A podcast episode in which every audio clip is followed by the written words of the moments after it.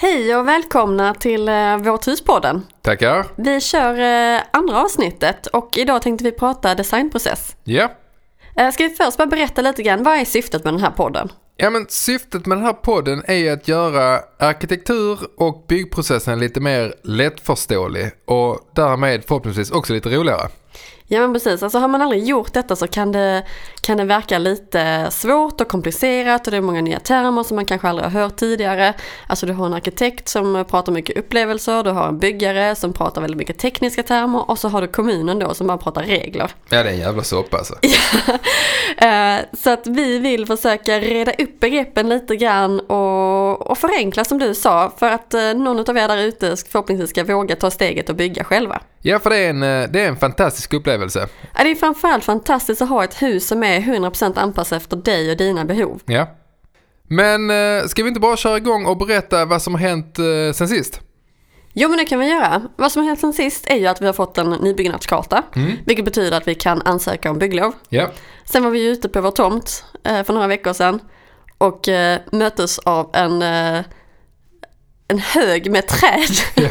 Vår granne Vår har... granne har bara blåst sin tomt. Det var inga träd kvar. Alltså jag skojar inte om de har fällt 20 träd, stora träd. Alltså vi... Ja, jag var helt vit i huvudet och bara stod helt knäpptyst. Ja. Var på Jesper då direkt började googla efter plantskolor som kunde sälja fullstora träd. Ja, men eh, ja, det, i slutändan kommer det inte påverka vår, vår tomt så mycket. Nej, det kommer det inte göra. För vi har ju faktiskt tänkt på detta. Ja. Att vi ska inte vara beroende av vad grannen gör och hur de planerar sitt hus. Nej. Och det kommer vi också komma in lite grann på i dagens avsnitt som handlar om designprocessen. Mm, Ska vi bara köra? Ja, men det, det tycker jag.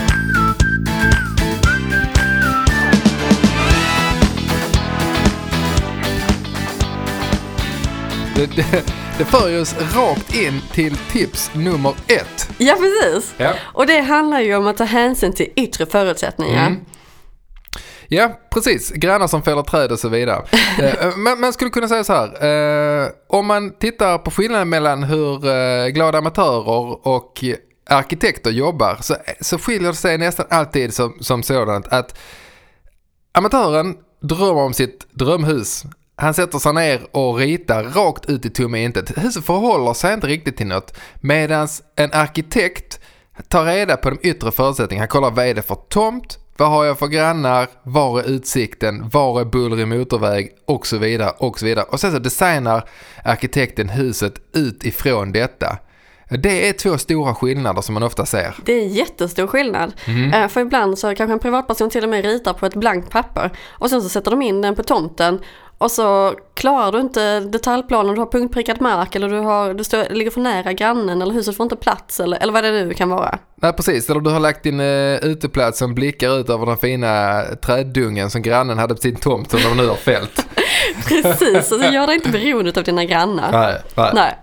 Eh, och det handlar ju väldigt mycket om att dölja och framhäva. Mm. Alltså du, ska ju, du vill ju dölja en bullrig motorväg, trädhögen eh, och så vill du framhäva som för oss till exempel eh, vårt stentorn Mm. eller ett vackert landskap.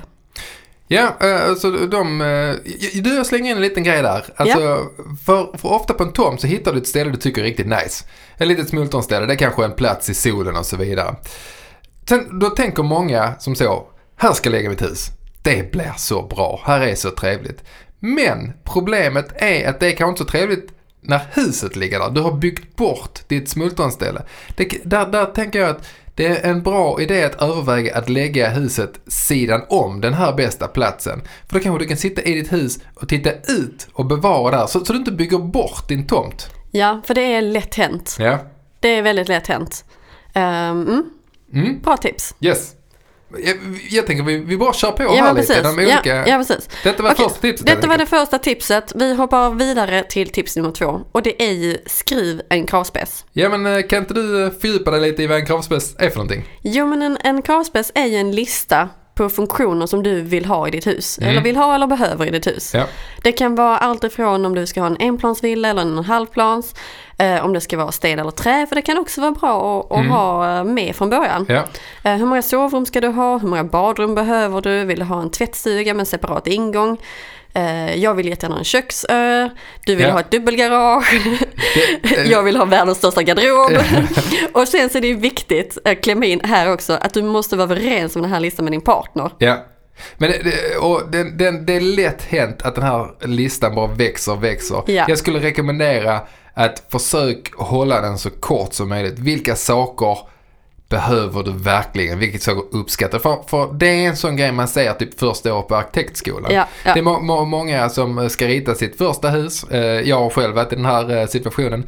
Men man vill ha in alla grejer man har drömt om. Ja. Och helt plötsligt står det om ett hus som inte riktigt är bra på någonting. Det, När det, det bara kan spretar åt alla håll och Ja. kan ingenting riktigt väl, precis som du säger. Nej, precis.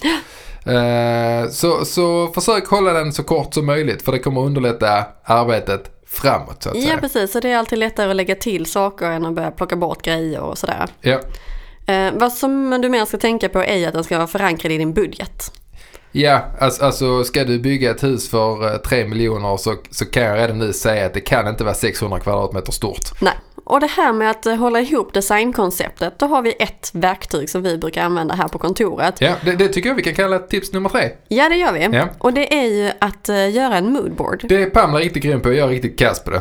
Och jag älskar att sitta på Pinterest och bara printa ut en massa bilder, klistra upp ett A3 på, på väggen Ja. och så börja sätta ihop det. Ja, precis. Det är ett riktigt, jag vet inte varför jag inte gör det, men för det är ett riktigt, riktigt bra verktyg. Ja, och framförallt eh, upplevde vi att eh, när vi inte riktigt kunde komma överens, Ja, när vi satt och pratade om vårt hus, Ja. så blev vi alltid ovänner. ja. Till slut kunde vi knappt nämna huset liksom, Nej. utan att den andra... Men det, det är rätt svårt att partner har fel. Vi måste pausa här nu. Innan, innan, vi, innan vi snöar in för mycket på det, ska vi kanske berätta lite vad en moodboard är? Ja men precis. Alltså en moodboard är ju en bunke bilder som förmedlar den känslan du vill eh, ha i ditt hus. Ja, och där är det nog eh, viktigt att tillägga att det är inte så att du ska leta upp bilder som ser ut precis som det huset du drömmer om. Det är snarare så att du ska kanske ha bilder som, som, som har kvaliteterna det hus vill ha. Är, är, det, är, det, är det ett varmt hus med mycket trä, tyg och mattor? Eller är det ett väldigt minimalistiskt hus med eh, hög, eh, högblanka skåp och putsad betong och så vidare? Mm, mm. Mm. Precis, och jag brukar ofta göra mer än en moodboard. Att man har en som är för helhetskonceptet. Ja.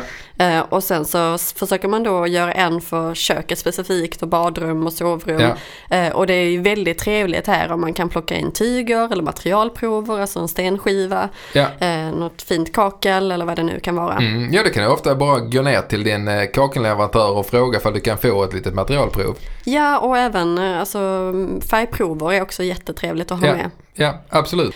Och den här moodboarden, den är faktiskt väldigt bra att arbeta med genom hela designprocessen. Framförallt när man då ska välja till exempel kök. Mm.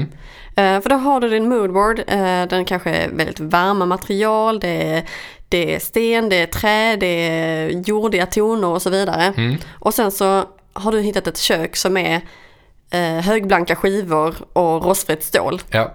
När du då håller den här bilden på det, på det här köket med eh, kyl och frys i rostfritt stål så kommer den ju inte passa in i den här moodboarden. Så Nej, det ger precis. sig ganska snabbt. Ja, det, det är ganska lätt eh, att se på det sättet om man eh, tar för stora avsteg från ens eh, originalkoncept. Precis, precis. Det, den största fördelen med moodboard känner jag är att ibland så kanske man hittar ett kök eller en dörr som kanske inte är så spektakulärt i sig själv men det passar in i helheten. Och det, det, det, det, bidrar till att hålla ihop hela huset. Ja, för att när man går där i affären och tittar på de enskilda produkterna, alltså du tittar på köksfläkt, du tittar på köket, du tittar på en eh, kommod eller ett badkar.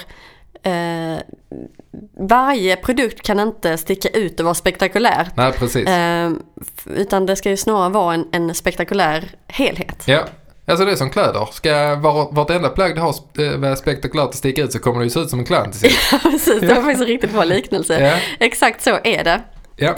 Eh, mm. Yes, så det rekommenderar jag. Gör Ja. en moodboard. In Gör- på Pinterest. Ja, gotta ner i bilderna på Pinterest. Ja. Okej, men då har du dina yttre förutsättningar, eh, du har din kravspec, du har din moodboard. Nu skulle jag faktiskt rekommendera alla att ta hjälp av ett proffs. Ja, Det, det, fick gjorde, vi också göra. det gjorde vi också ja. Ja. Vi, jag, tyck, jag tänker vi kör här och berättar lite om vår process Ja, med, tillsammans med varför proffset. vi kom på det här tipset att, ta hand, att anlita proffs. ja men precis. Mm. Ja men eh, vi, vi börjar ju rita på vårt hus och vi har ju ritat en väldans massa hus åt kunder. Ja, Och det går väldigt bra. ja. Vi skulle rita för, eh, till oss själv och det gick eh, inte så bra. Alltså det, det var nära att hamna i skilsmässa där. Ja, alltså vi, alltså- vi hann knappt dra ett streck på pappret innan den andra redan hade sågat i den. Eh, det, det bara gick inte. Det Nej. bara tog tvärstopp. Ja, och det, vi, det blev eh, det blev mycket kritik liksom och Ja. att kritisera varandra det tar inte en kreativ process framåt. Det är faktiskt Nej. väldigt viktigt att behålla den här positiva känslan. Ja, och det är ju lätt att göra när man är så objektiv och, och pratar om sina kollegor på kontoret. Ja. Men när man då sitter med sin man och man ska rita sitt drömhus, alltså då är det mycket som står på spel. och, och, och, och för att hoppa tillbaka till moodboarden, här är det också, eh, kom, eh, fick vi erfara, ja, riktigt, riktigt bra att ha material att diskutera kring. Till exempel bilder. För när, när man diskuterar design rakt ut i tomma intet. Helt plötsligt kommer det bli som en partiledardebatt. Det handlar om att vinna argument. Och det handlar inte riktigt om sakfrågan eller hur, hur eh, huset ska te sig. nej till Eh. slut handlar det bara om att Jesper hade fel. Ja, precis. Det handlar kanske inte ens om att jag hade rätt. Det handlar om att Pamela hade fel. ja. Nej, men eh, så vi, vi, vi tog hjälp av en kille som jobbar på vårt kontor. Mm. Han heter Marcus och han är superduktig arkitekt. Ja. Och hans specialitet är ju framförallt det här med bostäder. Mm. Eh, Han är otroligt duktig på planlösningar så att vi gav honom vår kravspec. Mm. Och sen fick han sätta igång och börja rita. Jag fick ganska fria tyglar för det är så vi tycker det funkar bäst. Ska du ta hjälp av någon, eh, ett kreativt yrke framförallt, ge dem kravspec vad som ska eh, vara med och ge dem ganska fria tyglar så du inte låser fast dem i idéer som du kanske hade som kanske inte funkar fullt ut. Ge dem, Nej, alltså ge dem dina lite utrymme. kanske inte är jättebra. Nej, våra var inte det. Nej, så var det ju. Ja. Eh, för det blir, är ju så återigen när man har för mycket hjärta i det. Ja, Ehm, så ge dem fria tyglar, det tycker jag är ett jättebra tips när man ska anlita en arkitekt. ja, Och kanske snarare lägga lite mer tid på att hitta en duktig arkitekt. ja. Alltså gör lite research, titta på vad det är för projekt de har gjort tidigare. Är det så som, är det, funkar det med din stil? ja. Och i så fall så bara Det blir, Låt- det blir bättre, det blir billigare. Jag kan också säga så här, research-timmarna betalar du inte så mycket för. När du sitter och, och, och pratar med arkitekten så betalar du 1000 kronor timmen. Ja, minst. Ja. Men du, eh, kan du inte dra vår, eh, vår kravspec för vårt hus så folk får en liten känsla för vad en kravspec kan vara? Jo, men det kan jag göra. Eh, Vi, vi, vi, det var ju vissa punkter som vi faktiskt var överens om. Mm. Och det var ju... Som vi faktiskt var överens om. ja, men det är inte att underskatta. Nej, nej, nej. Ehm, och det var ju att vi ville ha ett hus som var i trä.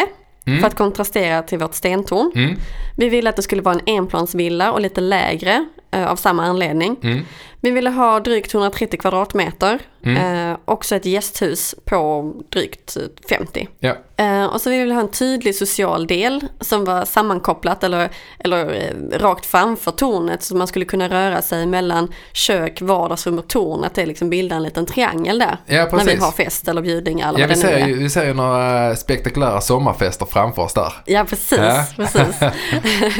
Ja, och sen så ville vi då ha en tydlig privat del. Där Ja. man har sovrum, barnens sovrum och vi vill ha en tvättstuga med en separat ingång. Mm, I den här tvättstugan ville vi även ha en dusch. mm, För att då kan man rulla in barnvagnen där, hund och Leonora och så Ja. kan man spola av alla tre. ja, precis. Eh, och så ville vi ha, till den här sociala delen vill vi även ha en, en gästtoalett. Ja, För jag tycker det är ganska trevligt när man bjuder hem folk att de inte behöver vara inne i vårt stora badrum. Ja. Där man då har schampoflaskor och bodylotion och alltså hemma hos oss så har vi även en plastbalja och en potta nu för Ja. tiden. det är inte så glammigt, det är verkligen inte så. Instagramvänligt.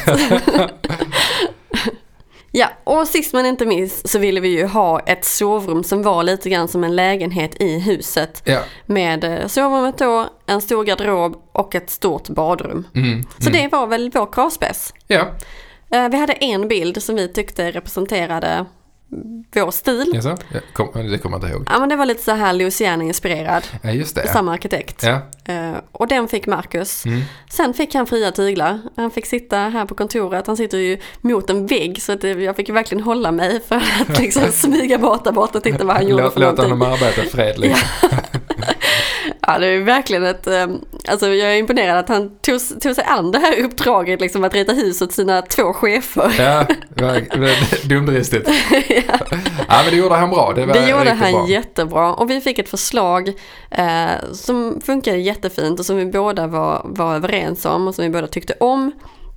Eh, och det uppfyllde alla de kraven som vi hade. Ja, Eh, och sen så har vi såklart jobbat vidare på detta och, och satt vår personliga prägel på det. Mm. Men det Marcus gjorde var att han la en bra grund. ja precis. Och, många av hans tankar var ganska lika de tankarna vi bråkade om från början. Men, men när han hade då satt det så fick man lite bekräftat att så, ja men det kan funka så här. Ja, ja, Ska, ja. Men eh, jag kan berätta lite om hur det ligger på tomten. Och Ja, gör det, gör det. Att, vår, Framförallt det här med grannarna också som, som faktiskt var en viktig del ja, precis. Alltså vår tomt är en eh, stor kvadrat på tusen, tusen kvadratmeter. Eh, både vi och vår granne ska bygga och den här grannen ligger norr om vår tomt. Det är de som för övrigt har, har avverkat skogen nu. Eh, nej men eh, på, på vår tomt, så nere i den södra, sydöstra hörnet har vi det här stentornet. Eh, och då hade vi tänkt att vi skulle trycka ett L-format hus längs den norra och den västra sidan. Eh, av många anledningar, eh, framförallt så, så skapas ett fint litet rum mellan stentornet och vårt hus. Men även hade vi tänkt att den här baksidan åt norr som vetter mot grannen, alltså det stänger av lite mot grannen och vi är inte så lika beroende av vad de gör. Nej precis, vi kommer inte behöva ha vår uteplats som tittar ut på deras uteplats till exempel. Nej, precis. Eh, Och i och med att vi stänger av mot norr så är det ju en perfekt plats att ställa bilen på också. Ja, precis. Och den är inte heller så himla rolig att sitta och titta på. Eller Nej. jag tycker inte det, Får Jesper tycker ju det. det? ja, men vi ska försöka komma överens att vi kan sätta upp ett uh, litet staket också så att varken Leonora eller Maud springer över till dem Ja. titt som tätt. Nej, precis. Nej, men det, det tror jag tror jag är bra. Eh, men i alla fall, så vi har byggt ett L-format, eller har vi inte alls, men vi ska bygga ett eh, L-format hus. Eh, en, utmaning vi hade där var att eh, baksidan, utsidan på L så att säga, var ganska stängt i förhållande, det hade ingen riktig kontakt med insidan på L där tornet och, och där eh, står. Så en bra lösning på det, eh, jag tror det var Pamela som, som föreslog, hon hade sett på någon gammal skånsk gård, det var en sån fin passage in, en liten tunnel i den. Eh, så vi gjorde en liten passage i hörnet på L. Eh, och fördelen med det, eller så som vi ser det, är att när vi har våra de här spektakulära sommarfesterna, då ser vi att folk kommer, de gående, så kommer de in på tomten och sen så går de igenom den här passagen, kommer ut till trädgården och möts av tornet. Och på så sätt kan man ta emot massa gäster utan att du behöver dra dem genom ditt hem. Precis, och här kommer vi nog lägga lite krut på att eh, anlita en duktig trädgårdsarkitekt Ja. som kan hjälpa oss att förstärka den här passagen och den här arkitektoniska vandringen som det faktiskt blir. Ja, ja.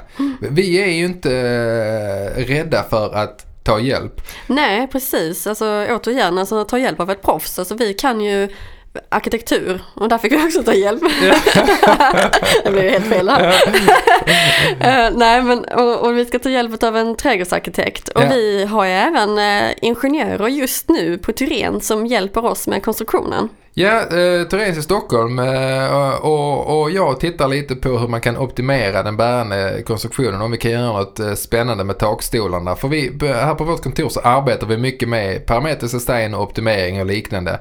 Eh, och därför kände vi att eh, låt oss ta hjälp av några som är riktigt duktiga på detta också. Så kanske Ma, n- när det kommer in fler människor i projektet får man alltid feedback och nya tankar väcks som du kanske inte själv hade i första läget. Och ofta leder det till att det blir eh, bättre enligt mig. Ja, och, och som det brukar se ut så brukar konstruktören komma in ganska sent i projektet. Ja. Alltså när huset redan är färdigritat. Mm. Och det är då man får sådana här tråkiga lösningar som en pelare mitt i vardagsrummet och är sådär. Ja. Eh, Medan vi vill ju bjuda in dem tidigt och så att konstruktionen kan vara en del utav designen. Mm. Och det, det, detta är ju ganska hardcore. Jag, jag, jag säger inte att, att eh, alla här ute ska anlita konstruktörer, arkitekter, trädgårdsarkitekt. Men vi berättar lite om hur, hur vi har gjort. Ja. Men det kan ju också vara, alltså, om, om jag bara får hoppa tillbaka till det här med kravspecen, rita själv, ta, ta hjälp av andra. Ofta så är det så här att om du har en kravspec som säger ditten och datten och du ritar det själv så kanske du får in det på 200 kvadratmeter. Om du lämnar det till en, till, till en, en duktig arkitekt så är det stor chans att han kanske får, eh, får in det på 150 kvadratmeter. Eh, och även om arkitekten då har tagit 50, 100 000 för detta eller hur mycket nu har varit att lägga på det. Så tjänar du in de pengarna ganska snabbt. För 50, 50 kvadratmeter i onödan som egentligen inte fyller någon funktion. Det är rätt mycket pengar när man bygger ett hus. Ja, alltså man räknar i snitt att ett hus kostar mellan 15 och 35 000 kronor per kvadratmeter att bygga. Eller låt säga 25 då. bara för att 25 räkna. 000, alltså det är 1 250 000 mer för det här 200 kvadratmeter huset mot det som var 150. Ja, precis. Och då har du möjlighet att lägga pengar på trädgårdsarkitekt, arkitekt, konstruktör, Ja, projektledare ja. Och så vidare och så vidare. Så lite repetition Och där. en sak till, ljusdesigner. Det är ju också någonting som jag vill eh, ta in senare Ja. i projektet. Ja, nu, nu blir det många personer. Nu blir det många personer. Ja, men, men, men eh, och en liten repetition där. eh, Alltså gör lite research innan eh, på vilka, hitta en arkitekt till exempel som du tycker har gjort bra grejer. ja, och ofta så har den personen folk i sitt nätverk som Ja. du kan anlita. Ja. Och sen så, såklart, det beror beror alltid på hur spektakulärt ditt hus ska bli och vad, vad det har för budget. Ja men det är ju också en del av kravspecen. Ja. Vad ska ditt hus vara? Veta vad du vill. Ja precis. Ja. Ska det vara en spektakulär pampig villa eller ska det vara lite mer anonymt hus? Ja, ja. Vad, vad vill du? Är budgeten en viktig parameter i, i din kravspec? Mm, Då måste du ta med det från början. ja. Men eh, det var vår, dagens tips. Ska vi ta och repetera dem lite? Ja. Tips nummer ett, det var ju att ta hänsyn till yttre förutsättningar. Ja precis, var har du saker och ting du inte kan flytta på? Var ligger motorvägen? Var är utsikten? Var sitter grannarna och så vidare? Ja. Tips nummer två, skriv en kravspec. Japp, vad behöver du? Hur många rum vill du ha? Hur stort ska huset vara? Tips nummer tre, gör en moodboard. Ja, det är ju en eh, samling bilder som beskriver känslan på, på huset du vill bygga. Ja, och tips nummer fyra, ta hjälp av ett proffs. Eller Precis. flera. Värna om eh, äktenskap och god arkitektur och låt någon annan hjälpa dig. Ja, bra slutkläm där. Ja, Det var dagens avsnitt. Yes. Jag tänker i nästa avsnitt ska vi prata bygglov. Ja. För att vi har ju beställt en nybyggnadskarta och det behöver man då för att eh, ansöka om bygglov när du ska bygga nytt. ja, Ehm, och vi tänkte berätta lite grann om vad man ska tänka på, regler, tips. guida er genom processen. Ja men precis. Eh, så vi tackar för idag och eh, ni får gärna följa oss på Facebook och Instagram. Släng iväg några frågor om ni har något. Kom med ja, feedback det tycker vi är jättetrevligt. Så Ja. gör gärna det. så ska vi försöka besvara dem så gott vi kan. Precis. Bra. Tack så mycket för idag. Tack, tack. hej. hej. hej.